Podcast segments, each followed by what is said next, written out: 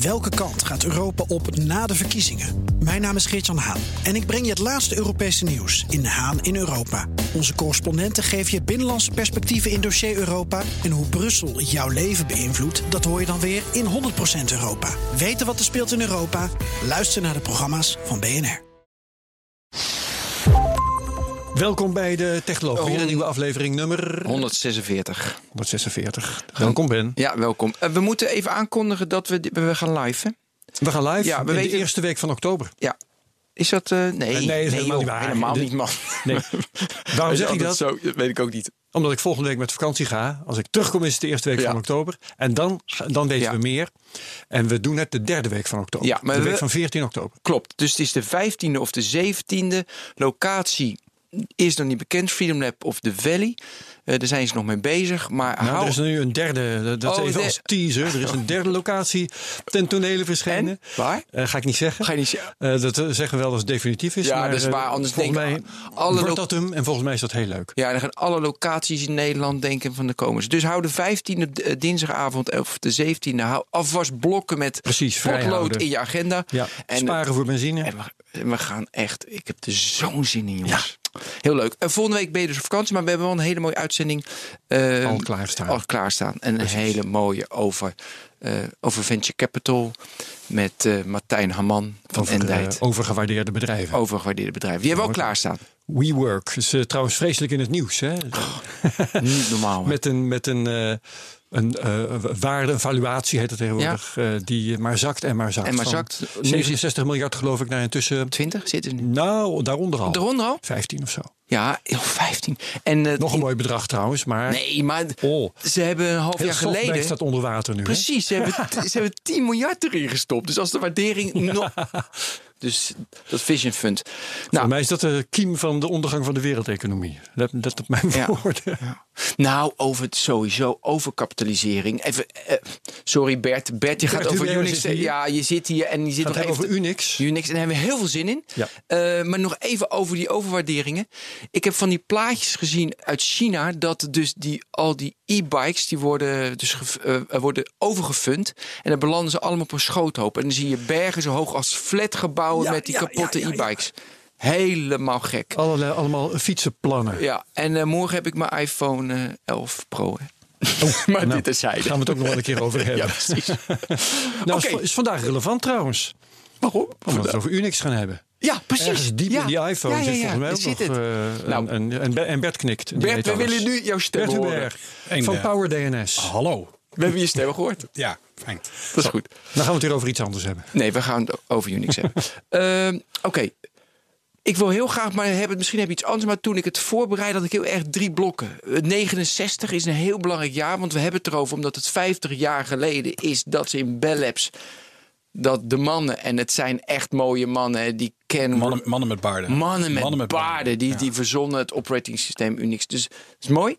Maar ik wil ook daarvoor, wat- wat er daarvoor was allemaal. En dan wil ik eh, natuurlijk 69 belangrijk. En daarna de iPhone en wat er allemaal is ge- gekomen. Maar kunnen we bij daarvoor nog beginnen? Wat was er toen? Ja hoor. Nou, kijk, je moet weten, een computer is natuurlijk een berg transistors. En van zichzelf doet die nog niks.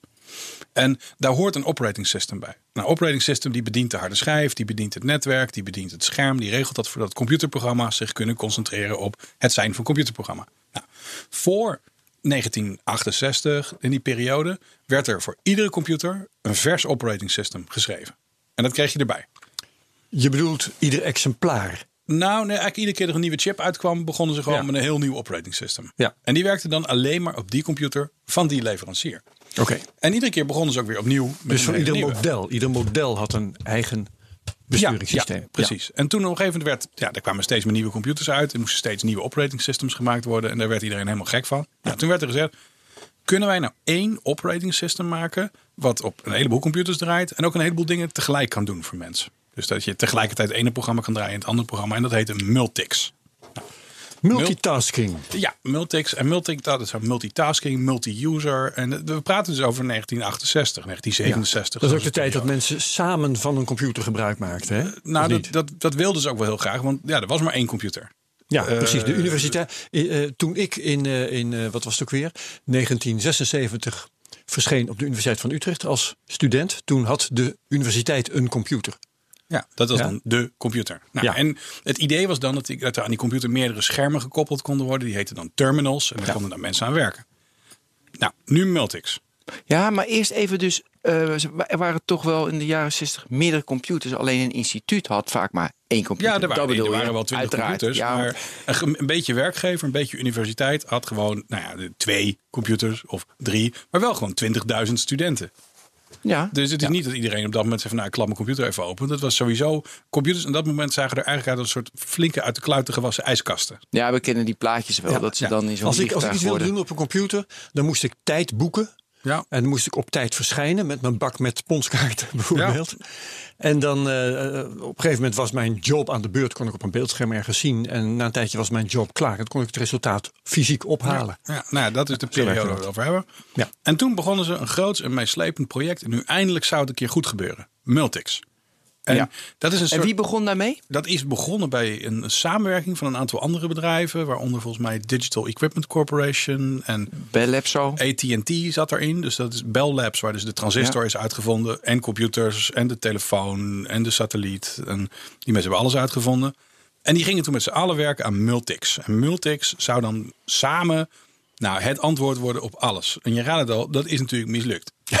Want Anders hadden we nu een onderwerp over multics gemaakt. dan hadden we nu zeker een onderwerp over vorig Multics gehad. En, Maar ja, zoals dat vaak gaat, het was dus een professioneel project. Dus het staat vol met projectleiders, plannen en, en, en, en, en meerjaren roadmaps. Die elkaar de tent uitvochten ook nog Die elkaar de tent uitvochten. En het zou alles moeten zijn voor iedereen. De ene zei het moet multi-user zijn. En de andere zei nee, het moet een badge systeem zijn. En nou, het werd allemaal niks. En zoals dat vaak gaat als iedereen zegt van nou we gaan nu super professioneel aanpakken. Ze waren er vier jaar mee bezig, hè? Ja, en nou ja, de- precies hoe lang weet ik niet. Maar Maar ja, dat heb ik op een gegeven moment stapte dus. En dan, dan komt het cruciale moment. En dat is eigenlijk ook wel leuk hoe dat toen ging.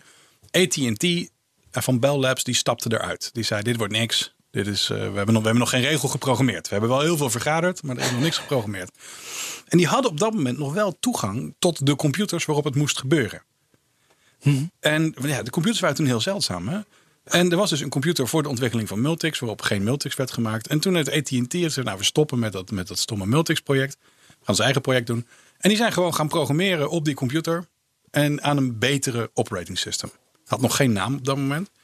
En die zijn daar, een beetje als een hobby, zijn ze in een, in een, in een maand tijd. Kijken wat we zelf ja, kunnen. maar je moet even die omgeving beschrijven. Want d- er is een verhaal, en die komt ook in de show notes in Ars Technica.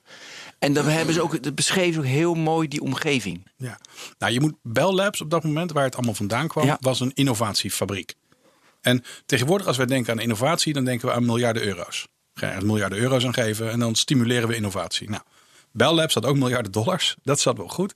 Maar die waren in zijn geheel ingericht om dingen uit te vinden. Dus om bijvoorbeeld te noemen, het gebouw was zo ingericht dat er overal gangen waren en hoekjes, waardoor Ja. je elkaar de hele tijd tegenkwam. Het was niet mogelijk om in dat lab in je kamer te gaan zitten en je af te zonderen van de omgeving. Er was een permanente kruisbestuiving van natuurkundigen en scheikundigen en wiskundigen. Ja. En de eerste computer science mensen. Ja, en wat ik ook interessant vond, eh, ze hadden geen budget. Ze hadden een quotum om geld uit te geven. Dat vond ik ja, dat is grappig. Normaal maak je een budget en je mag zoveel opmaken. Ja. Maar omdat AT&T 1% van alle telefoonomzet kreeg in het land, die hadden ze ook weer een patent op. En ze hadden zoveel geld op dat moment. Dus het was gewoon dat dat Je moest minstens zoveel geld uit. dat was dat? echt gigantisch. Nou, las Het is nog steeds gigantisch. Maar Ja. kijk, je moet niet vergeten, het is de plek die de transistor heeft uitgevonden.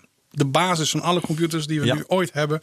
En die stond er ergens in een hoekje. Stond onder een glazen koepeltje van, nou, dit was de eerste transistor. Dat ding was op dat moment nog geen 20 jaar oud. Mhm. Dus zo vers was die, die revolutie er allemaal. En, en die mensen, ja, een dag niet uitgevonden was een dag niet geleefd. En deze mensen vonden niet alleen dan, als ze dan bijvoorbeeld, zo gegeven hebben ze de telefonie uitgevonden, maar ook lange afstandstelefonie. Dus dat je een telefoongesprek kan hebben over 3000 kilometer. Dat lukte daarvoor nooit. Dus 3000 kilometer was een soort limiet, want er moest er een versterker tussen en dat lukte niet goed genoeg. Een gegeven moment hadden het opgelost, kon ze over 6000 kilometer. Maar ja, het werd toch nog geen succes, want niemand had nog de telefoonpaal uitgevonden. Want ze hadden ook palen nodig waar ze die draden over konden hangen van New York naar San Francisco. Dat was dus de eerste grote telefoonlijn. En toen hebben ze uitgezocht welke boom je daarvoor moest hebben. Want ze gebruikten steeds palen van, van berkenhout, maar die gingen weer groeien. En dan hadden ze eikenhout en daar gingen allemaal spechten op zitten. En die mensen hebben een hele. Het bos staat er nog. Waarin ze dus allemaal verschillende soorten bomen naast elkaar hebben gezet. We kijken, nou, welke is nou de beste om een Een telegraaf? bos van New York naar San Francisco. Ja, nou, dat, dat wil ik niet zeggen. Maar dit was het researchbos. Dus even, Oh. ja, wat doen die bomen? nou? Ja, dat is het lab. En, eh, en die zijn uiteindelijk uitgekomen. ja, na, ja. na lang zoeken kwamen ze uit van, nou, je moet deze, weet ik veel, deze berk hebben en je moet de bodem in teer dopen en dan is die oké. Nou, deze mensen vonden uit Wat voor type, n- me- kun je ook het type mensen beschrijven? nou, de, de briljantste, kijk, de, de, de briljantste van de briljantste mensen. En als je ook niet, als je niet een beetje raar was, dan kwam je er daar niet in. Ze waren raar, die Het mensen. waren echt, ze waren echt knap raar. Dus, dus, dus, dus Geef eens voorbeelden. Nou, Claude Shannon, dat is de uitvinder van het woord bit. Ja. En, eh, die heeft dus een paper geschreven in 1948. En die, die was onwijs goed in jong leren en in fietsen op zo'n zo'n eenwieler. En uiteindelijk werd hij ook goed in jong leren en fietsen op een eenwieler. Eh, tegelijk. Nou, en die man die vond in zijn vrije tijd een schaakcomputer uit. Eh, daarna vond hij eh, de, de, de Booleaanse logica waar alles op gebaseerd is. En, en hij was onwijs goed en had een robot gemaakt in de vorm van een muis. En die muis die kon door een heel doolhof heen bewegen. En nou, daar is misschien wel, wel 5 miljoen of zo dat soort bedragen aan geld ingegaan. Maar ja, op dat moment leek het een goed idee. En terloops is daar de basis gelegd voor wat we nu kennen als neurale netwerken en, en, en, en deep learning en dat soort spul. Dus eh, ja, als je niet, het- was een collectie en het is van, van mafketels en, en, en gekken die, die op Zoals dat hoort. Zoals dat hoort, inderdaad. En in Unix, waar we het er nu over hebben, is, is alleen maar ja, het laatste loodje aan hun, hun telg geweest van grootschalige ontdekkingen. Ja. Ja, dus we kunnen nu langzaam... programmeren. Ja, Of wou je nog andere dingen geschetst hebben? Nee, ik wil, nee, dat vind ik mooi ges- geschetst. Dus eh, toen gingen ze werken aan eh, weet je, Unix. Dat was in, Ja. in En daar, waar- daar zaten maand tijd 69. hoorde ik je zeggen toen Ben jou in de reden viel. Ja, want er zat er wel een reden achter. Mensen hadden het probleem, je had telefooncentrales en die moeten heel snel beslissingen nemen over van hoe worden telefoongesprekken met elkaar verbonden. En dan moesten ze iedere keer als er een nieuw type uitkwam, kwam er ook een nieuwe operating system bij. Dat klinkt alsof ze van plan waren een telefooncentrale te baseren op de computer. Ja, dat, is best wel even bijzonder. Dat was, het toen- in die tijd? Dat, dat was heel bijzonder in die tijd. En dat, eh, maar dat, die visie hadden ze al wel. En, ja, nou, toen was het nog met draadjes en, en eh, Absoluut, dames absoluut. die eh, het ene gat met het andere verbonden. Ja, het, het is, het is, nou ja, zij konden echt de toekomst zien. Wat dat betreft. En zij kwamen dus terug van dat professionele Multics-project. dat in drie jaar nergens heen was gegaan. En toen hebben ze in een maandje tijd. hebben ze iets, een naamloos operating system geschreven. Toen nog in echte assembler taal. Nou, assembler taal is dat je de processor van de computer echt precies zegt wat hij moet doen. Dus geen luxe dingen als van ik heb een for loop die eh, van 0 tot 10 gaat tellen. this, then that. Ja, nee, je tikt het maar in. Gewoon eh, register is nul, een register inc, een register comp. En, nou, dat hebben ze twee jaar gedaan, want iedereen was er heilig van overtuigd dat je, dat je alleen maar dat soort dingen echt in deze nullen en enen kon programmeren. En toen na drie jaar zei iemand daar van ja, waarom doen we dat eigenlijk? We schrijven het in de programmeertaal C. En die hadden ze trouwens ook uitgevonden. Om even, aan te geven dat deze, hoe diep eh, de innovatie van die mensen gaat. Ja. En die hebben toen in, in, in 1968 de eerste versies van, van eh, Unix geschreven. Dat was een woordgrap eh, op basis van Multics. En eigenlijk was het Unix, wat we in het Nederlandse woord kennen, enig. Zo'n eh, Chinese eh, ambtenaar zonder ballen. Eh, dat heet een Oh, enig. eh, Oh, ja. ja. ja, ja. Ja, en, en eh, nou, dat- die naam vonden ze wel grappig. En toen uiteindelijk schreef iemand het voor het eerst op, op typemachines overigens. Dat is ook wel fascinerend. Die mensen die moesten innoveren met computers. Maar ja, zoveel computers waren er niet. Dus heel veel van die daar documenten... schreven ze uit. Hè? En daar hadden ze ook editors voor. Dus Zo, mensen die ja. het voor ze ja, uitschreven. ja, dat klopt. Maar een van de, toen ze dus Unix een beetje af hadden... was het eerste wat ze schreven was een teksteditor. Want ze waren het helemaal zat dat ze met die typemachines moesten kloten. Ja. En eh, dus de eerste programma's die ze hebben geschreven op die computers waren niet alleen tekstverwerkers, maar ook nog eh, typesetting programma's waarmee je je eigen boeken er goed uit kan laten zien. Ja, maar hoe, Wauw. hoe kregen ze dus voor elkaar? Iedere computer had dus een eigen operating system. Dus Metric die deed dat niet. Want die, hoe was die verbinding dan tussen verschillende computers? Ze hadden er maar één. Dus hoe konden ze, hoe konden ze testen dat het op verschillende computers moest werken? Hoe maakten ze die connectie? Ja, nou dat is een protocol. En eh, we praten nu 50 jaar Unix. En dan denk je van, nou, wat, wat, wat moeten we nou met 50 jaar oude computertechnieken? Zij gebruikten daarvoor de seriële poort. En de seriële poort die eh, is nog steeds met ons. En dat, is dus een, eh, dat zijn een paar snoertjes. Drie kan je mee doen. En daarmee kan je eh, alleen maar tekst uitwisselen met een andere computer. En eh, daarmee kan je met een eh, kan je zeggen, nou, ik ga inloggen op die computer. En dan via die drie seriële draadjes worden dan letters op jouw scherm gezet. Nou, Daarmee hadden ze het zogeheten terminals. En een terminal was een scherm en een, toetsenbord waarmee via die drie draadjes het beeld verscheen. En daar waren er wel heel veel van, van die terminals. Dus die kon iedereen krijgen. En die werden dan met draden verbonden met, met de grote computer. En eh, de seriële poort, dan zou je denken van nou, dat is zoiets sterft uit en haal je het toch mee op. Ehm, die zit dus nu in ieder apparaat die we nog hebben, zit nog steeds diezelfde seriële poort. En die Is zou- dat zo? Want ik bestuur net mijn laptop en eh, die bekende brede eh, poort met ontzettend veel pinnetjes, Ja. waar ik vroeger mijn modem op aan, die zie ik niet meer. Die Nee, er niet. nee, maar als je in je laptop kijkt, dan zit Ja. hij helemaal vol met pinnetjes, waarbij je gewoon weer die, die drie dingen er weer op kan schrijven. En dan kan iemand die jouw laptop wil herprogrammeren, die kan de chip uitlezen en hem commando's sturen. En dat is Oh, dus van binnen zit verre- die nog wel. Dat is verre van overleden. Dat, Goed, dat, zit, eh, dat zit overal nog in. En, ehm, nou, en dus die mensen hadden toen, konden toen met meerdere mensen tegelijk aan één computer werken. Maar daar was wel een probleem. Als je met z'n vijf op de computer zit en een ervan laat zijn programma crashen. Dan verwachten wij nu dat de rest van de computer gewoon doorgaat. Tuurlijk. Dat was nooit zo. Het was altijd zo van als er iets crasht op de computer, dan was het over met de hele computer. Eh, dat herinneren sommigen van ons zich nog op van de Commodore 64 of de ZX Spectrum. Als je daar een tipfout maakte, dan ging gewoon de hele computer plat. Ja. Nou, dat was een van de eerste echte innovaties daar. Dat ze dus met, met, met chips konden zeggen van nou, jij kunt het programma draaien en jouw programma kan de soep inlopen. Maar de programma's van jouw collega's en je andere studenten, die gaan gewoon door. Die hebben daar geen last van. Nou, dat, dat was een van de, de hele... En, want als je nou met meer mensen op de computer zit, dan gaat Ja. er altijd een fout maken. Maar mijn vraag was anders. Kijk, je hebt nog steeds één computer. Je wil een operating system maken die op alle computers werkt. Ja. Ah. Dus nu ben je aan het programmeren op die computer. Nou, hartstikke mooi. We gaan daar straks diep, een beetje dieper op in. Maar hoe krijg je dat ervoor elkaar? Dat je weet wat ik maak, dat werkt ook bij de computer van de concurrent. Ja, nou, dat, dat, daar, daar kan ik, kunnen we zo een klein beetje op vooruitlopen hoe dat gaat. Maar wat ze in eerste instantie deden, zeiden van nou, deze computer, die gaat een eh, zogeheten system call krijgen. En deze system call die maakt een file.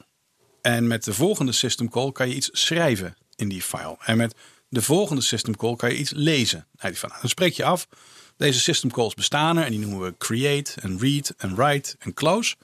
En als er een andere eh, operating system is dat diezelfde system calls ook heeft, Ja. dan weet je dat het programma zowel op de ene als op de andere kan draaien. Nou, misschien niet letterlijk dezelfde nullen en enen, maar wel dezelfde broncode. Ja. Nou, dat hebben ze toen gerealiseerd voor het eerst. En eh, hebben daar keuzes gemaakt waar we nu nog steeds mee zitten. Ehm, zo heeft men bijvoorbeeld, eh, ik noemde dus die system call eh, open, maar ze hadden er ook eentje die heette create. Alleen die laatste E, dat vonden ze te veel letters, dus die heet creat. Want zo zuinig waren ze toen met Ja, letters. een, een, bit of een byte, dat eh, was belangrijk. Nou, dat kostte geld. Tot de dag van vandaag zijn alle computers waar wij nu omringd worden, hebben de system call genaamd Creat. Zonder E. en ze hebben ook aan een van die uitvinders van Unix een keer gevraagd: van, joh, als je nou terug in de tijd kon gaan, wat zou je dan veranderen? Hij zei, nou, ik zou toch die laatste E erbij gezet hebben. Dat is toch wel wat ik gedaan ja, ja. Dus dezelfde zuinigheid trouwens als die ons de Y2K-bug heeft opgeleverd. Ja, hè? en, Dat, en, eh, en, en, en, jaar dat, 2000. En dat nog in, in vele andere manieren. En wat ze toen ook hebben gedaan, en dat zit in iedere computer tot nu toe ook, tijd. Nou, als je wil weten hoeveel tijd eh, zit er tussen deze twee data in, dan kunnen computers dat voor je uitrekenen. Want dat is echt een rotklus. Als je waar, hoe, Ja. Hoeveel uur zit er tussen 3 januari eh 17 uur 44 en 12 maart 17 uur 39? Nou, 60 seconden per minuut, 60 minuten, Ga maar eh, tellen. 365 dagen. Dus wat doen computers nou? En dat is toen uitgevonden in, in 1972 of zo. Hebben ze gezegd van nou, als we een datum hebben en een tijd, dan zetten we die eerst om in het aantal seconden sinds middernacht 1 januari 1970. Nou, Dat is hoe alle computers het doen. Allemaal. Er is geen, er is geen uitzondering op te vinden. Nou, dat, en dat is ook een legacy. In Unix, toen ze begonnen, hadden ze die datum ergens in 1968 gezet. En toen later zeiden ze, nou ja, we beginnen opnieuw. We zetten hem op 1 januari 1970. Iedere computer waarmee we omringd worden, denkt sinds seconden sinds 1 januari 1970. Nou, Dat is niet eens erg, want gaat het om eh, een datum daarvoor, dan zet je gewoon een dan minteken zet je een minteken. Ja, maar, daar, maar, maar nu komt de pijn al. Ehm, de meeste computers, tot een aantal jaren geleden, waren 32 bits computers. Dus die kunnen getallen waarin zij kunnen denken, die lopen van min 2,2 miljard tot plus 2,2 miljard. Dat zijn de 32 bits getallen. Ehm, je voelt hem al. Ja. Op een gegeven moment hebben wij 2,2 miljard seconden sinds 1 januari 1970. Wat is het, 2044 of zo? 2038. 38, ja. En in 2038 krijgen we de moeder van alle Y2K-problemen. Want dan gaat iedere 32-bits computer, die gaat op dat moment, die zegt, nou, ik weet het al, het was zojuist was het, eh, juni 2038. En nu, plop, is het 1913. En- Min ja, zoveel miljard seconden. nou, ja, ja, ja, ja, ja. In dat moment, een heleboel oude Unix professionals hebben zoiets van, nou, dan hoop ik dat ik dan dood ben. Nee, juist niet. Spannend. het, is, het, is- het wordt, eh, zeg maar, het heet de Epoch. En wij, de meeste Unix mensen hebben zoiets van, nou, in 2038 ben ik echt super op vakantie. Eh, en niet met een vliegtuig trouwens. Nee, want Dan ga ik met een, roei, ga ik met, Ja. een roei, met een roeiboot. Ga ik ergens midden op de oceaan zitten. En we hopen dat tegen die tijd alle computers 64-bits computers geworden zijn. Maar Dat zal toch wel, hallo? ja, ja nou, tot de dag van vandaag. ehm Je hebt het over 20 jaar na nu. ja, nou, die 32 bits zit diep hoor. Ja, als je, als nog even voorbeelden. Nou. Eh, dus hoe diep? Eh, Kijk, de meeste, als je nu kijkt naar kleine computertjes, hè, eh, dus de- een thermostaat of een, een fietscomputer of een, een airconditioner controller, daar zitten, computer, daar zitten chips in die makkelijk 20 jaar geleden ontworpen zijn, maar die nog steeds gebruikt worden. Van ja, ze werken nou eenmaal. Dat zijn allemaal 32-bit chips. In je auto is helemaal vol met 32-bit chips. En als je nu een auto koopt, is er een dikke kans dat die 32 2038 best nog wel rondrijdt. Dat zou kunnen, ja. Ja. En, eh, en die chips die erin gebruikt worden, nou, er is nog voorlopig iedere Raspberry Pi die je nu koopt, dat is een moderne computer, kan 64 bits draaien, doet hij niet. Ah. Hij draait lekker 32 bits, want dat is lekker een beetje sneller.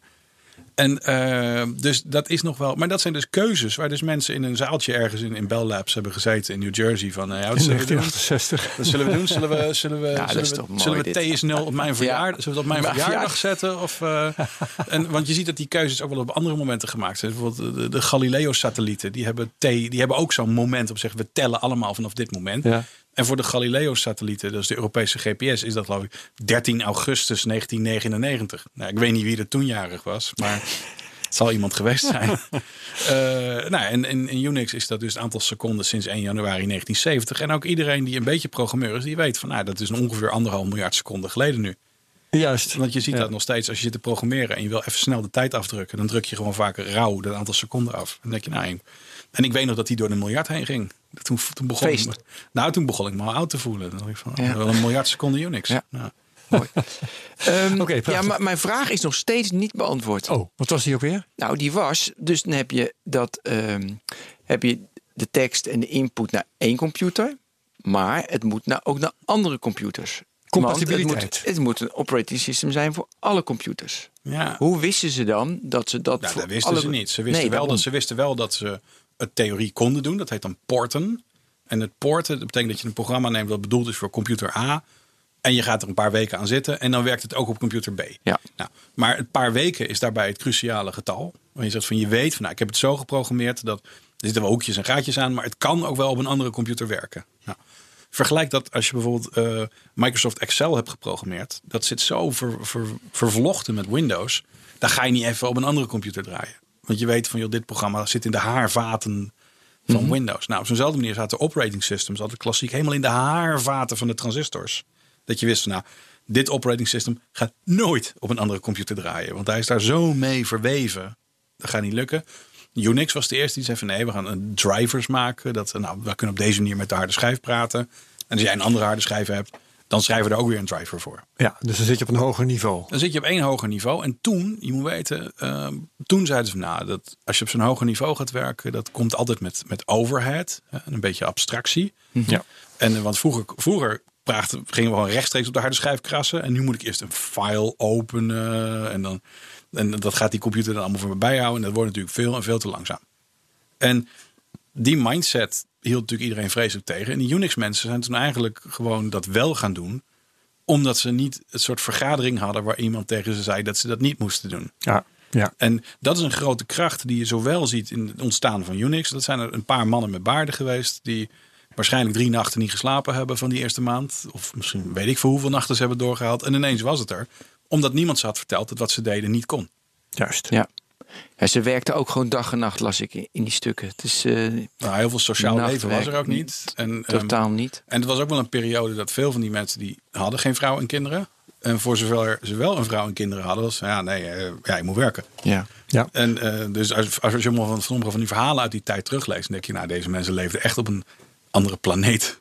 Ja, ook De die, planeet Unix. ja, maar ook die, ook die Ken Thompson, dat hij naar Bell werd. eh, hoe het- kan je die, kan je die anekdote even vertellen? Die vind ik echt geweldig. Hij werd naar Bell Labs gehaald, ken je die? Nee, ik En dan- eerlijk- Vertel jij maar eens maar. Ja, hij, Ja, hij ik was vind het wel erg, want eh, ik, normaliter zit ik vol met dit soort anekdotes. Nee, maar ik heb er hij- straks nog wel andere Dus die hebben er al een hele hoop Ja, dus hij werkt eh, eh, op Berkeley. En er wordt heet het gevraagd: wil je geïnterviewd worden? Bell Labs, dan kan je, moet je naar de andere kant, New Jersey, andere kant van Amerika. Hij had nee, helemaal geen interesse in, want hij had het prima naar zijn zin. En hij deed een beetje zijn hobby, een beetje, een beetje spelen daar. En nou, hij heet het vragen weer en wil je dan alsjeblieft? Hij werd helemaal gek van die gast. Nou, kan je twee dagen interviewen? Hij zei nee, één dag is genoeg. En ze zouden de reis betalen. Dus toen zei hij van. Nou ja, weet je, ik heb allemaal vrienden wonen eh, in, eh, eh, zeg maar aan de andere kant van Amerika. Misschien is het wel aardig dat ik dat dan combineer. En ze zeiden bij Bell Labs, joh, prima, moet je lekker combineren. Dus één vriend woonde wel aan de andere kant, maar helemaal in Florida. Dus hij is een hele roadtrip betaald door Bell Labs. Hele roadtrip door al zijn vrienden langs gegaan. Ja, dat vind ik echt.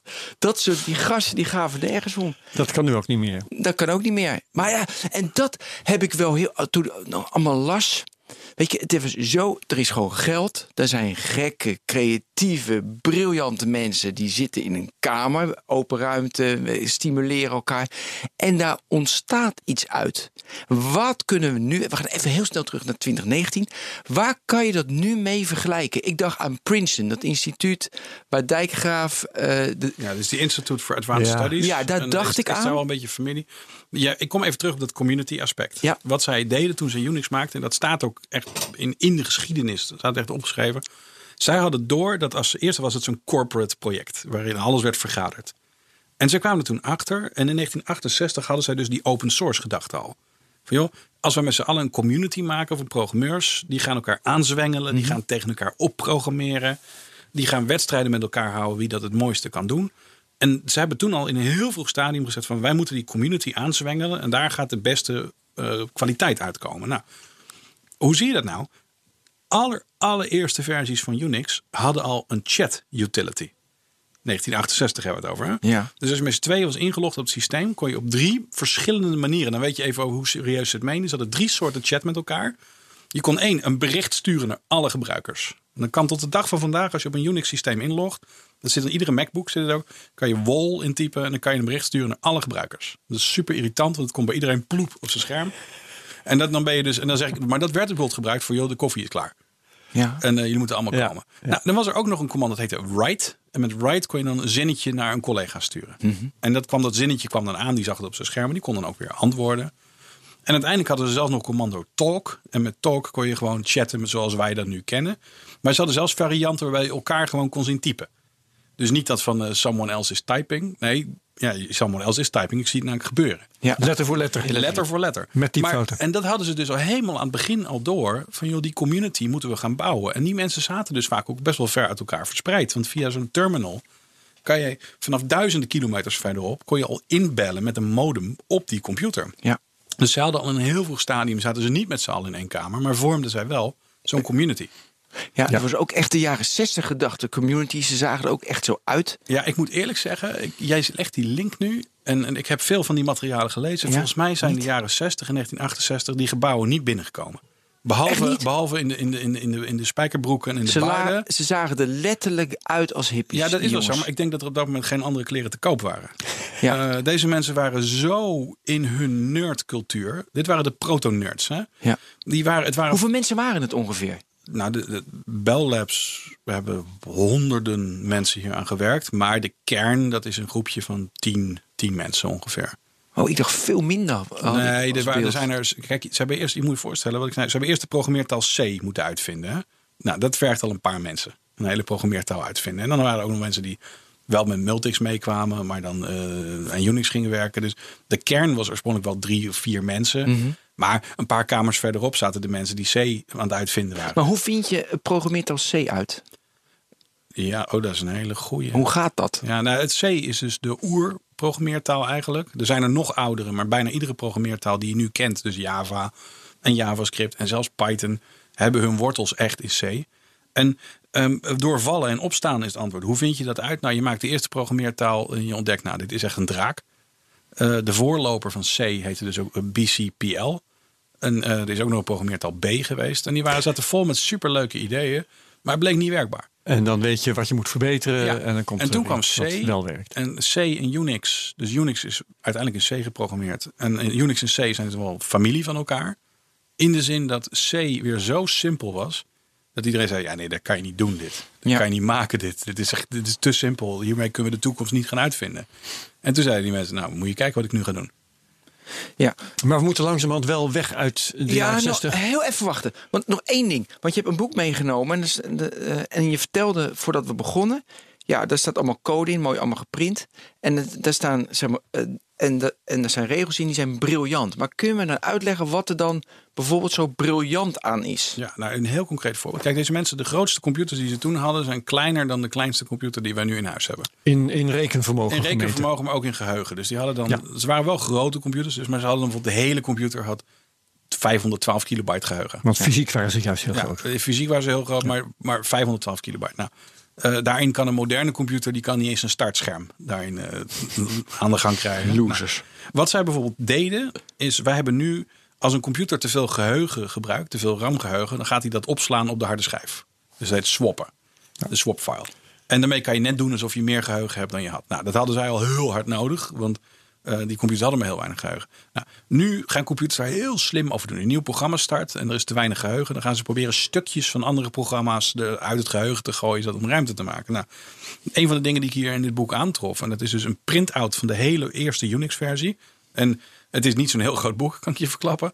Ehm, die, als hij zei van, oh, er is geen geheugen voor eh, om de nieuwe programma te starten, dan pleurde hij het hele oude programma naar disk. En dan denk je, nou, dan gaat hij nu dat programma uit het geheugen verwijderen. Nee, dat deed hij niet. Hij liet dat programma wat hij net naar disk had geschreven, liet hij gewoon staan. En daar pleurde hij het nieuwe programma gewoon overheen.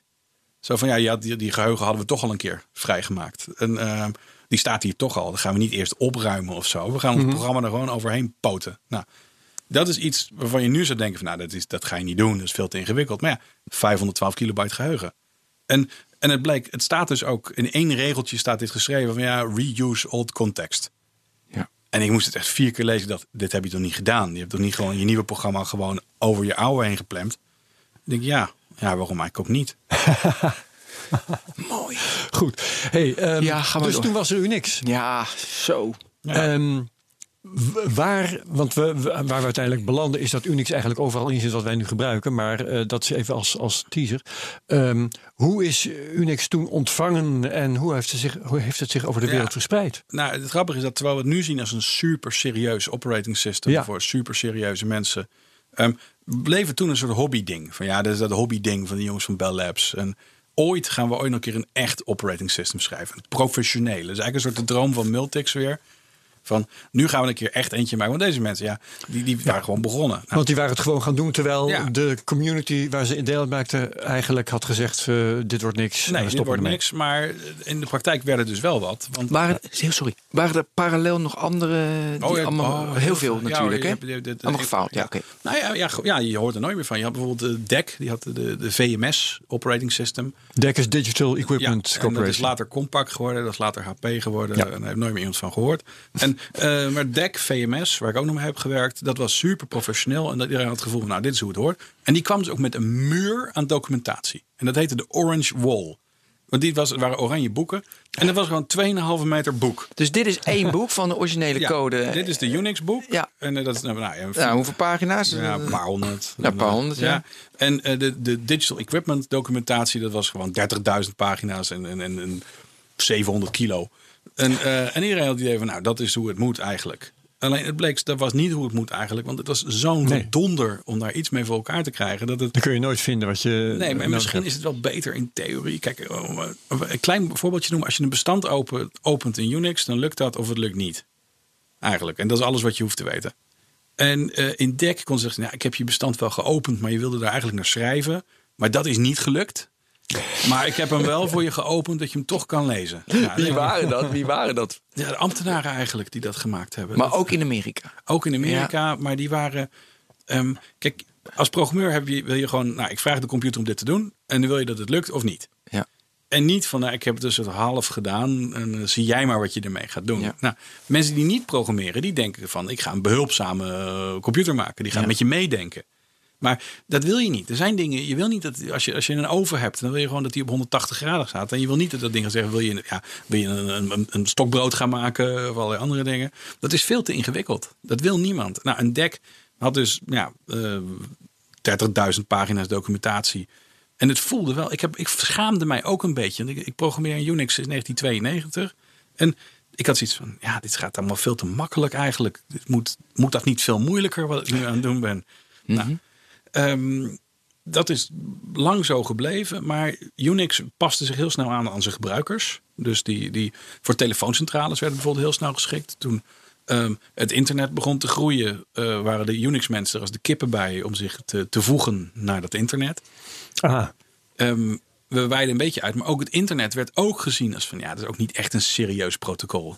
Dat is ook eigenlijk te, simpel allemaal. En, we maken het nog wel een keer beter. Ja, want er ooit. moet eigenlijk een information Ja, superhighway ja, komen. Eigenlijk, hoor ik eigenlijk moet er een uh, systeem dat met die, ja, die IP-adressen, dat werd er ook maar gezien als een tijdelijk ding. En zelfs toen ik begon met internet in, in 92, zeiden ze van ja, dat, dat IPv4, dat is duidelijk een tussenstap. Hierna gaan we naar OSI.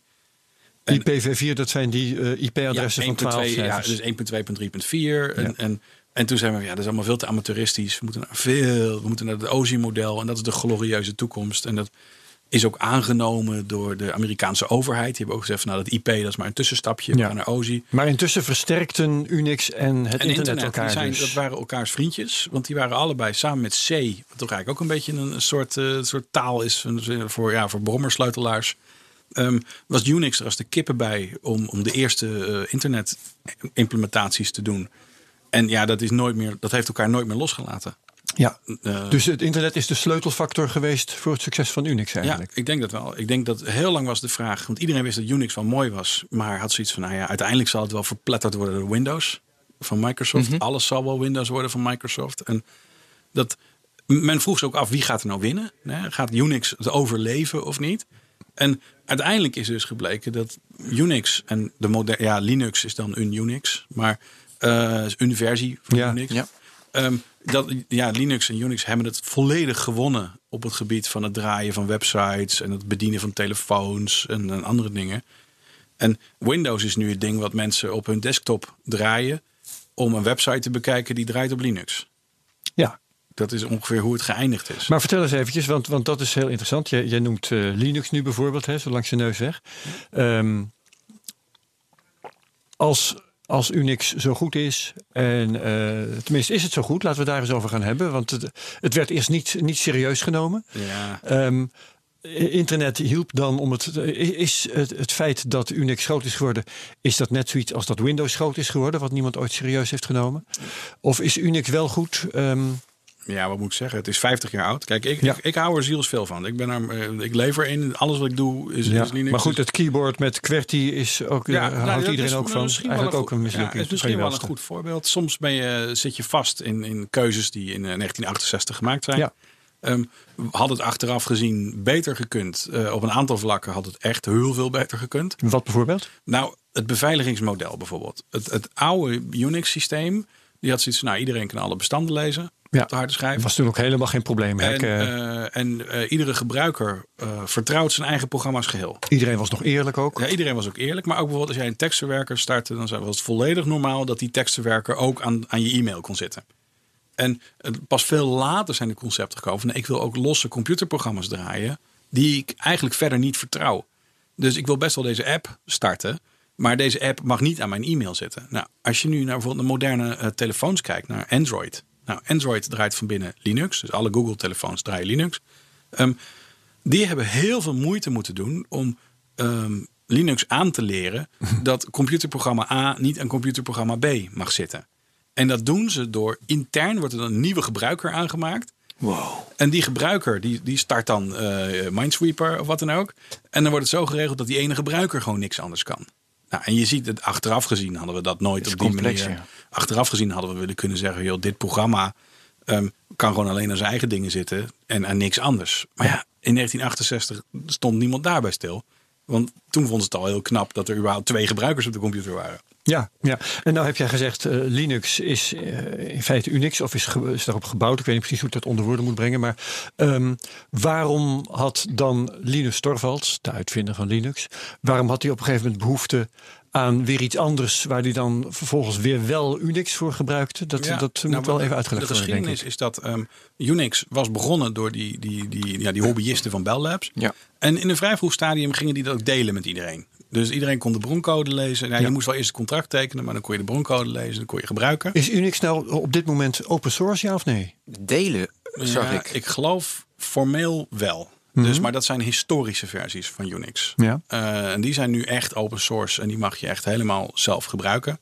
Ehm, maar dat zijn wel de historische varianten. En dat was toen niet zo. Dus toen Linus Torvalds begon eh, met, met Linux, was Unix was gratis als jij ook een grote universiteit was. Aha. En, eh, maar als jij je eigen Unix thuis wilde draaien, dan waren er een paar hele dure varianten die je kon kopen. En iedere programmeur die rond die tijd wel eens van Unix gehoord had, die had zoiets nou, dit Valhalla moet ik ook hebben.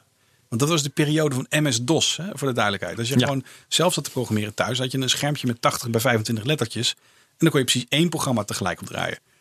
Dat is eigenlijk heel raar. In 1968, 1970 hadden we dus voor me echt een Unix die meerdere programma's tegelijk kon draaien met heel veel geheugen.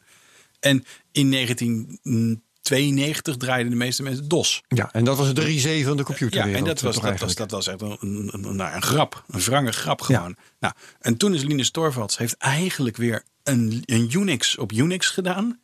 Want tegen die tijd was Unix wel groot en formeel en van telefoonmaatschappijen. En daar kon je niet zomaar bij.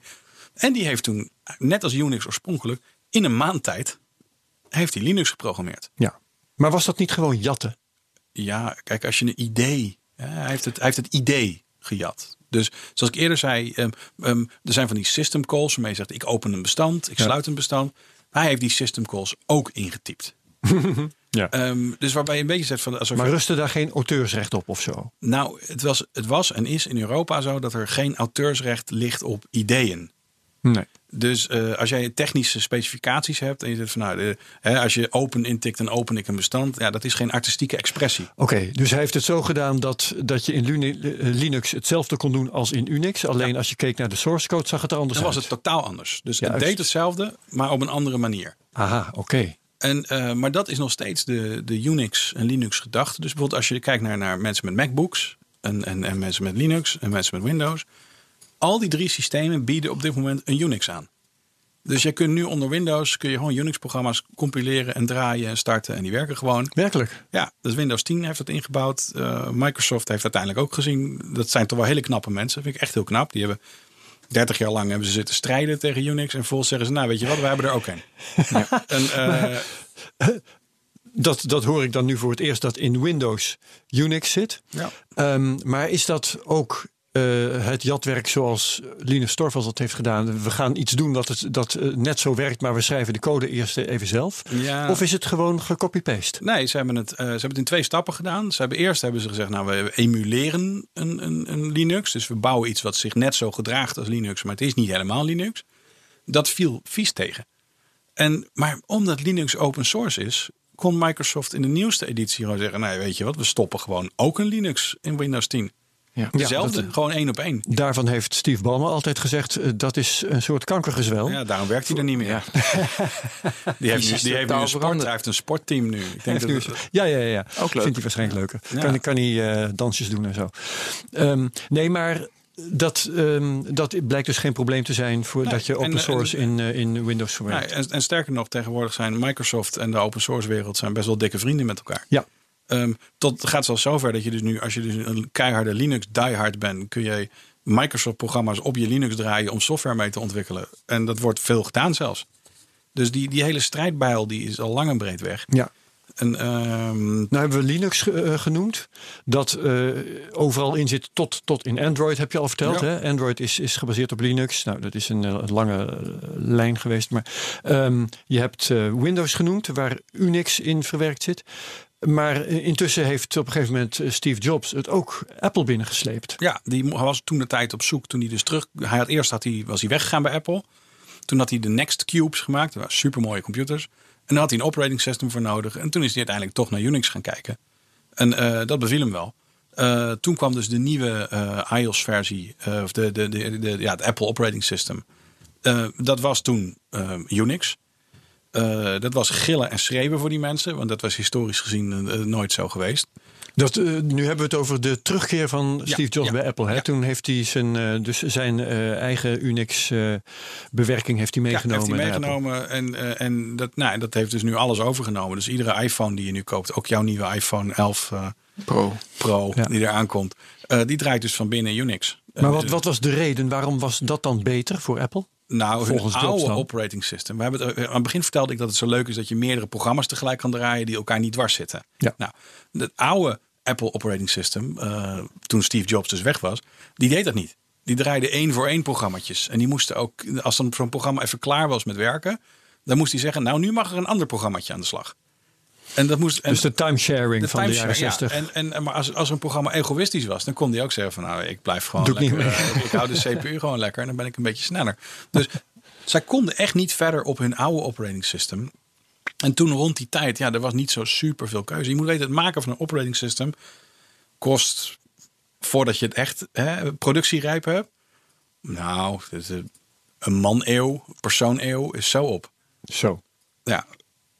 Dus, uh, dus eh, in, in the end is dat de reden dat iedereen die iets wilde, uiteindelijk bij Unix terecht is gekomen, omdat het er gewoon al lag. Ja, het was er en al. bruikbaar was. Ja, het was er al, bruikbaar, maar ook een van de cruciale succesfactoren. over Apple en over Google met Android en zelfs over Windows. Ja, over Windows en, en maar, maar ja, ook iedere, iedere airconditioner tegenwoordig, iedere GPS, iedere telefoon. uh, het is bijna niet meer te tellen. Zelfs stofzuiger, zelfs, zelfs je computer draait, dus je computer zelf draait tegenwoordig Linux. Bijvoorbeeld als je je computer aanzet, dan komt er zo'n scherm te staan van uh, Acer of wat dan ook. Als je ja, wat vroeger BIOS heette en nu anders. Ja, UEFI. UEFI, ja. Nou, inmiddels nog voordat jouw computer is opgestart, draait hij al Linux. Dus, dus Linux zit in jouw computer om je computer op te starten. Nou, um, het is wat dat betreft zit het nu in alles. Het zit in, het zit in je Tesla. En, uh, of ja, ik heb geen Tesla, maar ja, als je er een had, dan zat, het in je, dan zat het in je Tesla. En dat, ja, het, het, het, is niet meer, weg te, niet meer weg te denken. Ja, ja, ja, tot in lantaarnpalen en zo toe. Ik denk dat als je nu een, een modern smart city project hebt met een lantaarnpaal, dan een dikke kans dat die Linux draait. Ja, kun je mij die lagen vertellen? Want ik denk even aan Tyson, aan, en, weet je, aan Tyson van Samsung. Daar zit ook, en daar zou ook Unix in zitten, want dat zit overal in, zeg jij. Ja, want dat is weer gebaseerd op Android. Ja, je twijfelt. Ja, ik twijfel. Ik weet, dit weet ik gewoon niet. Nee, dat weet je niet. Maar kun je me even die lagen vertellen? Bijvoorbeeld in mijn iPhone. Wat voor lagen zitten er dan in? Want ze zeggen altijd Apple is er goed omdat de combi software, hardware, dat, dat is één en dat is veel beter dan bij Android. Ja. En daarom is de hardware, bij, uh, daarom is Samsung telefoon werkt iets minder. Zeggen sommigen, sommigen zijn het niet met me eens. Maar de kracht van Apple is de integratie software, hardware, dat het één vloeiende verticale nou, beweging ik, ik kan één specifiek dingetje vertellen. Kijk, als je zegt van, wij zeiden eerst van je hebt zo'n operating system en die bedient dan voor jou de harde schijf. Ja, nou, dat, zijn dat is een behoorlijke, behoorlijke one-way relatie. Je zegt tegen die harde schijf van joh, ik heb hier een bestand en ik wil dat jij dat nu op gaat slaan. Nou, en dan hoef je niet zoveel van elkaar te weten. Dan hoef ik niet te weten van welk merk harde schijf is dat. Of is het eigenlijk een SSD. Hoef ik allemaal niet te weten. Ik kan wel zeggen, schrijf het nou maar gewoon weg. Als jij echt heel precies een telefoon wil besturen. Echt heel precies. En dat wil je bijvoorbeeld zodat je een spelletje hebt waarbij de beelden super smooth over het scherm heen bewegen. Ja. Dan zul je niet alleen kunnen zeggen, nou teken deze pixels nou maar op dit scherm, want dan hebben we een leuk plaatje. Je moet echt zeggen, nee, ik wil dat je dat precies doet op de hardware refresh cycle. Dus op het moment dat het scherm zegt, ik ga mezelf hertekenen, dan wil ik dat je die nieuwe pixel doet. Nou, dan moet je heel nauwkeurig in de hardware zitten. Daar wordt het dan vaak heel harig van. Want dan werkt het dus niet meer. Je kunt dus niet bijvoorbeeld zeggen: ik ga de software die in een iPhone zit, ga ik even op Android draaien. Ja. Want dan heeft hij die integratie allemaal niet. Omgekeerd zie je dus ook dat Google Linux enorm heeft aangepast voor Android. Want zij wilden power saven. Dat is het, hele, het enige wat boeit voor een telefoon is of de batterij lang genoeg meegaat. Nou, individuele computerprogramma's zijn een beetje hebberig. Die zeggen nee, ik moet een icoontje tekenen en ik moet pingen en ik moet een netwerkverbinding open hebben en ik moet mail checken. En dat kost allemaal energie. Tegelijkertijd wil de telefoon, die zegt nee, ik wil de CPU in slaap laten vallen. Want dat is de enige manier om echt stroom te besparen. Nou, Google heeft dus een, een hele infrastructuur in Linux ingebakken. Waarmee je kan zeggen, joh, wat ik nu wil doen, kan ook wel straks. Hè? en eh, dat heet de Wake Lock. En dat zijn hele diepe integraties. En ehm, ik denk dat je die zowel Apple als Google dat op dit moment ziet doen. Want als je die diepe integratie niet doet, dan gaat je batterij drie uur mee. Ja, dus het gaat om de diepe integratie van dat je de harde schijf zo bedient op het juiste moment, Ja. waardoor je meer uit zo'n telefoon haalt. Ja, waardoor je er meer uithaalt. En dat kan, maar de reden dat dit ook kan, is omdat er zoveel kennis over Unix-achtige systemen aanwezig is. Dus Apple kan nu ook een advertentie zetten en zeggen: joh, ik zoek een operating system specialist om op iOS te gaan werken. En die specialisten zijn er dan al. Want die hebben thuis een Linux geprogrammeerd. Dus die kunnen komen binnenkomen. En die zeggen, nou, ik ga, maar- ik ga zitten en ik ga aan de slag. Die hoeven niet bij voorbaat in iOS gespecialiseerd te zijn, Nee. maar ze, zijn, ze hebben kennis van Unix, Linux en Ja. zijn daarom al geschikt voor dat werk. En daarom kunnen ze dat doen. En, en, en dat is dus fascinerend dat je ook ziet dat dus de twee grote telefoon operating systems, althans hier in, in- volgens mij zelfs ook in China, maar ook in het Westen, zijn dus allebei Unix gebaseerd. Dus het is prima mogelijk om je carrière bij, eh, bij Google te beginnen en aan Android te werken en daarna te solliciteren bij Apple. Ja. En dan werk je, dan, nou, dan ineens, ineens veranderen allemaal dingetjes van kleur en, en, en alles ligt net op een andere plek. Eh, het is alsof je altijd in een Volkswagen hebt gereden en je gaat nu in een Ford rijden. Eh, het blijft een auto, maar alle knopjes zitten net op een andere plek. Ja. Ja. Hey, hoe zit het nou met, met ehm, licenties en openbaarheid, open source? Want ehm, de, een hele hoop van waar we het nu over hebben is eh, open source. Zeker Linux is dat. Bij Unix is het dus ietsje mistiger, als ik jou goed begrijp. Ehm, maar hoe werkt dit door in de software van de verschillende grote leveranciers? Van Apple, van eh, Google, van Microsoft. Eh, ik heb met name over Google wel eens gehoord. Die hebben dan gewoon Linux gepakt en dat in hun telefoons geperst. Ehm, maar dat ze verplicht zouden zijn om de software die ze daarop hebben gebaseerd ook openbaar te maken. Want zo werkt de open source licentie vaak. Eh, maar dat ze dat niet consequent genoeg doen.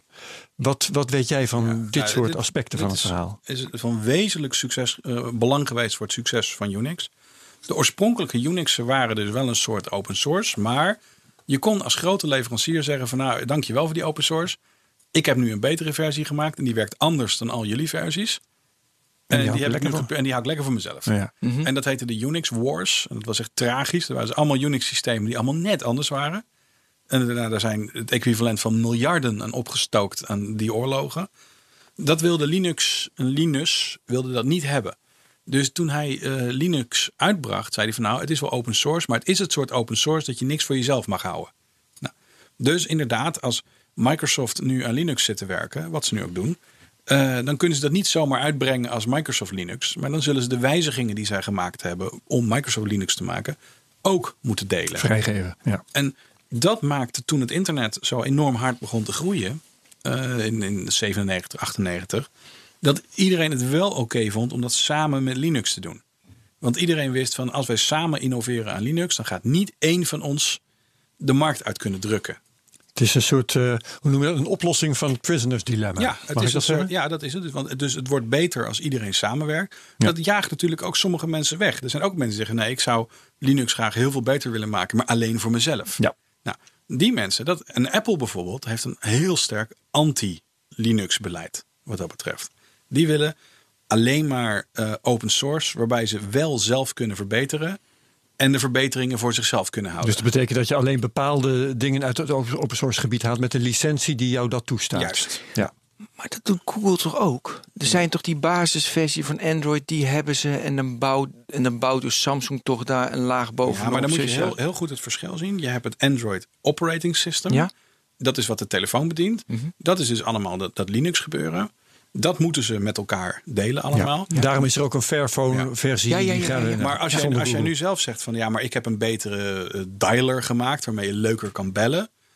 Dat is dan niet besmet met dit open source. Dat is software die Dat draait is- op. Die draait op de Android. Ja. En dat kan je dan lekker voor jezelf houden. ja, maar de Google-telefoons hebben ook die basisversie. Weet je, open Ja. source, prima. En daarbovenop voor de Google-phones. Daarbovenop voor de Ja, maar het Samsung-phones. zal je enorm verbazen als je nu, en dat blijft mij verbazen, als je nu de juiste plek op google.com weet te vinden. Ja. Dan kan je zeggen download Android maar. Dan krijg je echt iets van 180 gigabyte aan broncode. Ja. En daar zitten verbazingwekkende stukken van de hele eh, Android-telefoons zitten daar gewoon in. Ja. En, eh, en dan kun je, en dat je ook denkt van, joh, waarom, waarom doen jullie dit eigenlijk? Waarom geven jullie dit allemaal zo weg? Nou, de- Nou ja, ze hebben een ander verdienmodel, want de hele wereld, advertenties, iedereen eh, ja, op, nee, eh, het- op het- het Android. is wel zo, dat maar het soort, is, het- je krijgt een verbazing, verbazingwekkende blikken in de keuken. Maar jij, je zegt dus eigenlijk Google geeft meer weg dan ze zouden hoeven? Ja, absoluut. Ja. Wat, kijk, het model van Want het, het verhaal dat ik me herinner uit wat ik in de pers heb... was dat Google ook wel eens eh, nou vooral laat is met het vrijgeven Ja, van dat- hun. Android-versies. Dat, ik, ik denk dat het op dit moment niet zoveel meer speelt. Mhm. Ehm, maar kijk, wat, het model wat Google doet, is die houdt alle techneuten te vriend. Door veel bij te dragen aan de open source wereld. Oké, ja. En wij techneuten zijn daardoor geneigd om Google bijna overal mee weg te laten komen. dus al verkopen ze al je browsgedrag en je surfgedrag. En Ja. luisteren ze je 24 uur per dag af. Dan zitten veel techneuten toch van, eh, ja, ik ben toch wel erg blij met die Google eh, software. Dat vind ik Juist. wel heel leuk allemaal. Maar, eh, maar, maar Huawei gaat nu ook dus een eigen ja, maar je kan er system bijna bouwen. de donder op zeggen dat dat weer Linux gebaseerd Juist, is. precies. Dat is nooit vanaf de grond Ja, natuurlijk. nee, nou ja, zoals ik zei, je bent zo een persoon eeuw kwijt. Ja, Aan, eh, dus dat kan je- helemaal niet. Kijk, Google heeft het zelf ook geprobeerd. Die hebben een keer gezegd dat het Linux, dat begint al een beetje groot te worden allemaal. En die hebben hun eigen Fuchsia operating system geschreven. En dat kan je, kan je opzoeken. Ja, En- weet ik niet meer. Dus daarom vind ik het leuk dat je het zegt. En, eh, en, en dan zie je dat ze daar met heel veel mensen aan werken. En in de laatste demo kunnen ze ergens een paars blokje op je scherm zetten of zo. En, eh, en misschien wordt dat ooit wel groot. Dat zou wel kunnen. Maar je, voordat je je eigen operating system van de grond hebt gekregen, joh. En geaccepteerd hebt gekregen. En, en geaccepteerd, maar ook een moderne processor heeft zoveel knappe dingen, zoals de beveiligingsmodellen. Ehm, de nieuwste ARM-chips, om maar voorbeeld te noemen. Dus alle telefoons draaien ARM. Ja. De ARM-chip kan zeggen, joh, we hebben aparte geheugenruimtes voor verschillende onderdelen van computerprogramma's. En daardoor kan er nooit informatie benaderd worden die jij niet wil dat die benaderd wordt. Nou, supermooi. Moet je operating system allemaal inrichten. Dus om daar gebruik van te kunnen maken, heb je een operating system nodig dat helemaal snapt hoe die ARM-processor dat kan doen. Nou, voor jij dat, voordat je dat, al, al zet je 100 miljoen, al zet je een miljoen Chinezen in een zaal, eh, die zullen toch nog een jaar moeten typen. Ja. Ja, maar dat betekent, als je dat zo vertelt, dat we ook nooit meer van Unix afkomen. En, en zijn nazaten. Ik, ik denk in, nou, ik durf dus te stellen dat als er opvolgers van, van Unix komen, en die zullen vast een keer komen hoor, die zullen als eerste altijd weer beginnen met een Unix compatibiliteitslaag. Ja, ja, ja. ja. En zoals een moderne computer die je nu koopt nog steeds DOS kan draaien. Ja, Eh, oh ja. Die doet dat nog steeds trouw. En eh, dat, dat gaat maar niet weg. En eh, als Unix zal vervangen door iets anders. En dat- ik hoop dat dat een keer gebeurt. Want het is vast een keer tijd om opnieuw te beginnen. Ik wou net zeggen, wordt dat op vroeg of laat een keer een, een embarrassment? Zodat we zoals we nog steeds met dat QWERTY-toetsenbord zitten. Hoe komen we hier vanaf? Ja, nou ja, kijk, QWERTY toetsenbord komen we waarschijnlijk nooit meer vanaf. Nee. We zullen eerder gaan praten met onze computer Ja. dan dat we het toetsenbord vervangen. Ehm, Unix, is misschien, ja, ik, ik zie het op dit moment niet gebeuren. Er is op dit moment niemand bezig met iets anders. Nee, maar ik geloof ook niet dat er ooit iets anders komt. Want je hebt het alfabet, is ook al oud. Je hebt stenen, weet je, heel Ja, veel ook dingen. hopeloos. Nee, maar, nee, maar je hebt ook, weet je, in de technologie, ja, dan is er ooit ergens begonnen. Mee, ja, en dan gaan we daarop door. Ja. Nou, Windows heeft het geprobeerd. Win- toen Windows werd opgericht eh, en langzamerhand serieus werd genomen, eh, hebben ze zich meer op DEC gericht. Het DEC VMS-systeem wat wij noemden. En eh, de woordgrap was ook dat Windows NT, dus eh, WNT, is hetzelfde als de letters VMS, maar dan één opgeschoven. Dus, en dat was ook het DEC VMS team wat oorspronkelijk begon met Windows. En die hebben op een aantal keren, een aantal vlakken hebben ze gezegd van kom, we gaan het even echt anders doen. En het heeft uiteindelijk niet beklijft. Want de manier waarop ze zeggen we gaan het nu echt anders doen. eh, ze zeggen nou ja, dat is de oude manier om te doen. En de nieuwe manier om het te doen lijkt toch wel verbazingwekkend veel op de Unix manier. Ja. Ehm, waarbij ik echt niet wil zeggen dat Unix niet verbeterd had kunnen worden. Alleen, ja, het is wat er nu is. Ja, maar je hebt weinig, je hebt een paar voorbeelden gegeven, maar niet. Ik denk van, nou, denk je, dit moet, dit had echt in een ba. Je kan erop door volgens mij. Of is dat de verkeerde indruk die ik heb getrokken? Nou, wij zijn in zekere zin zijn we als programmeurs zijn we ook verknald. Dus wij zijn allemaal Unix-hoofden geworden. Wij denken in Unix-termen. Ja. Dus voor mij, als ik een bestand open, wordt het altijd een getalletje, een file descriptor. En als ik wil lezen, gebruik ik een system call om te lezen. Je kunt niet eens meer iets anders Ik kan maken. niet eens maar aan iets anders denken. Als Nee. ik naar een ander systeem kijk, dan denk ik van, komt dit van Mars of zo? Wat ben je, wat ben je aan het doen? En, eh, en dat in zoverre zijn onze hersenen in zekere zin vergiftigd. Dat als je met iets nieuws zou komen, dan zou een hele generatie mensen van, nou, ik weet echt niet. eh, Maar dat is wel normaal. Hoor. Want kijk, wij hebben taal waardoor wij denken in taal. Want we proberen alles in taal te vatten. Maar zouden we geen taal hebben, dan zou je bijvoorbeeld je intuïtie meer gebruiken. Dus ja, dat is hetzelfde met dit. Nu, dat is jouw methode om te denken in Unix. Dus ik, ik zie nog steeds geen, totaal geen probleem. Ja, misschien dat er toch wel andere manieren zouden zijn geweest om het echt beter te doen. Ja, maar zo, nou klopt. Maar ja, zoals intuïtie met elkaar communiceren, puur op intuïtie, als we dat als mensen hadden ontwikkeld, had misschien ook beter geweest. Ja, dat weet je niet. Nee. Want dat doen we niet. Net zoals Unix is er nu voor altijd. Nee. En het is verder ook niet, niet erg, want wat we hebben eh, werkt erg oké. Ja, En, eh, en het is gratis en het draait op iedere processor die je kunt verzinnen. En eh, als je mensen met expertise zoekt, die zijn op de arbeidsmarkt. Dus we zitten ook niet in een slechte situatie. Het is niet te vergelijken bijvoorbeeld met vroeger, toen Microsoft Windows alles domineerde. Dan kan je zeggen dat is een probleem, want onze hele toekomst komt uit Redmond. ja. En, en als je daar toegelaten wil worden, dan moet je Microsoft Certified Engineer worden. Dat was een probleem. Maar als jij nu eh, Unix gebruikt en je vindt de ene Unix niet leuk, dan gebruik je de andere. Want er is er nog één. Dus eh, wat dat betreft is er niet zoveel eh, ja, risico voor de toekomst. Hey, Dus zo halen we de honderdste verjaardag van Unix wel. Nou, Unix wel en ik niet, denk ik. Maar Hey, mag dan even verder denken? Want we zitten natuurlijk in de techwereld waar heel veel pushback op is. Weet je, monopolies, weet je de grote techbedrijven. En eh, nu zie je dus, eh, eh, dus met Microsoft, die hadden dus alles en weet je, operating system moest van Microsoft zijn. En dat is nu ook verspreid. Dus, dat, dus misschien is het wel dat dit ook tijdelijk is. En ik zie ineens hoop, weet je, dat de dat het niet zo erg is. Dat nu hebben ze heel veel power. Maar net zoals eh, Microsoft in de operating systems, dat het ook weer weggaat. nee, de, de dingen Maar ik veranderen zie niet welke richting hoor. Maar Ja. Nou ja, als je een, een angstbeeld zou moeten hebben, is dat vroeger kocht je een computer en daar draaide je software op. Nu huur je een faciliteit in de cloud. ja. Ja. En daar draait je software op. Maar je weet eigenlijk al niet precies meer waar jouw computer nou op draait. Dus als je bij Google kijkt, als jij in de Google eh, Compute Environment een computer huurt, dan huur je feitelijk een eh, afgeschermde container in een andere computer. Ja. En dat is, dat is nu eerder de toekomst waarvan jij eigenlijk misschien niet weet wat er onder, eh, ja, onder water gebeurt. Nou, En op een dag is dat misschien helemaal niet meer de computer die je, die je dacht dat het was. En die verschuiving, langzamerhand, ik, ik ben nog een groot gelover in het draaien van je eigen computer. Want die is namelijk van mij. En die met software met waarvan je software. weet Ja, wat dat er is- gebeurt. Ja. En je ziet dat langzamerhand word, word ik nu een soort voor gek versleten met veel Bert. Het moet allemaal in de cloud en al die, eh, al die, al die onzin met die transistors in jouw huis. En, eh, nou, het kan best zijn dat er op een dag alles zo ver in de cloud zit dat wij niet meer weten wat die computer draait. En, eh, en dan zou er best wel een keer een revolutie plaats kunnen vinden, maar wel buiten ons zicht. ja, maar dan is het als die cloud natuurlijk echt decentraal is. Nu wordt het beheerst door drie partijen. En als dat decentraal is en meer partijen, dan heb je wel weer jouw ideaalbeeld. Ja, dat, dat zou Dat er geen machtige zijn. partijen zijn. Ja. Ja. Laatste ronde. Oh, nou ja, ik, eh, ik vond dit al eh, heel mooi. Oké. Jeetje. Even kijken of Een beetje suizenbollen. Ja, daarom. Ja.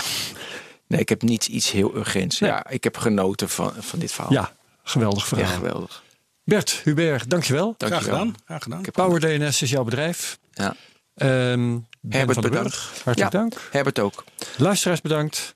En we zien iedereen graag terug. Eh, ja, volgende week eh, dan... eh, zijn we er ook. Ja, zijn we er ook. Zijn we er gewoon ook. Top uitzending. Top uitzending, dat weten we nu al. Ja. Goed, dus tot dan. Hoi, hoi. Bedankt. Dag allemaal.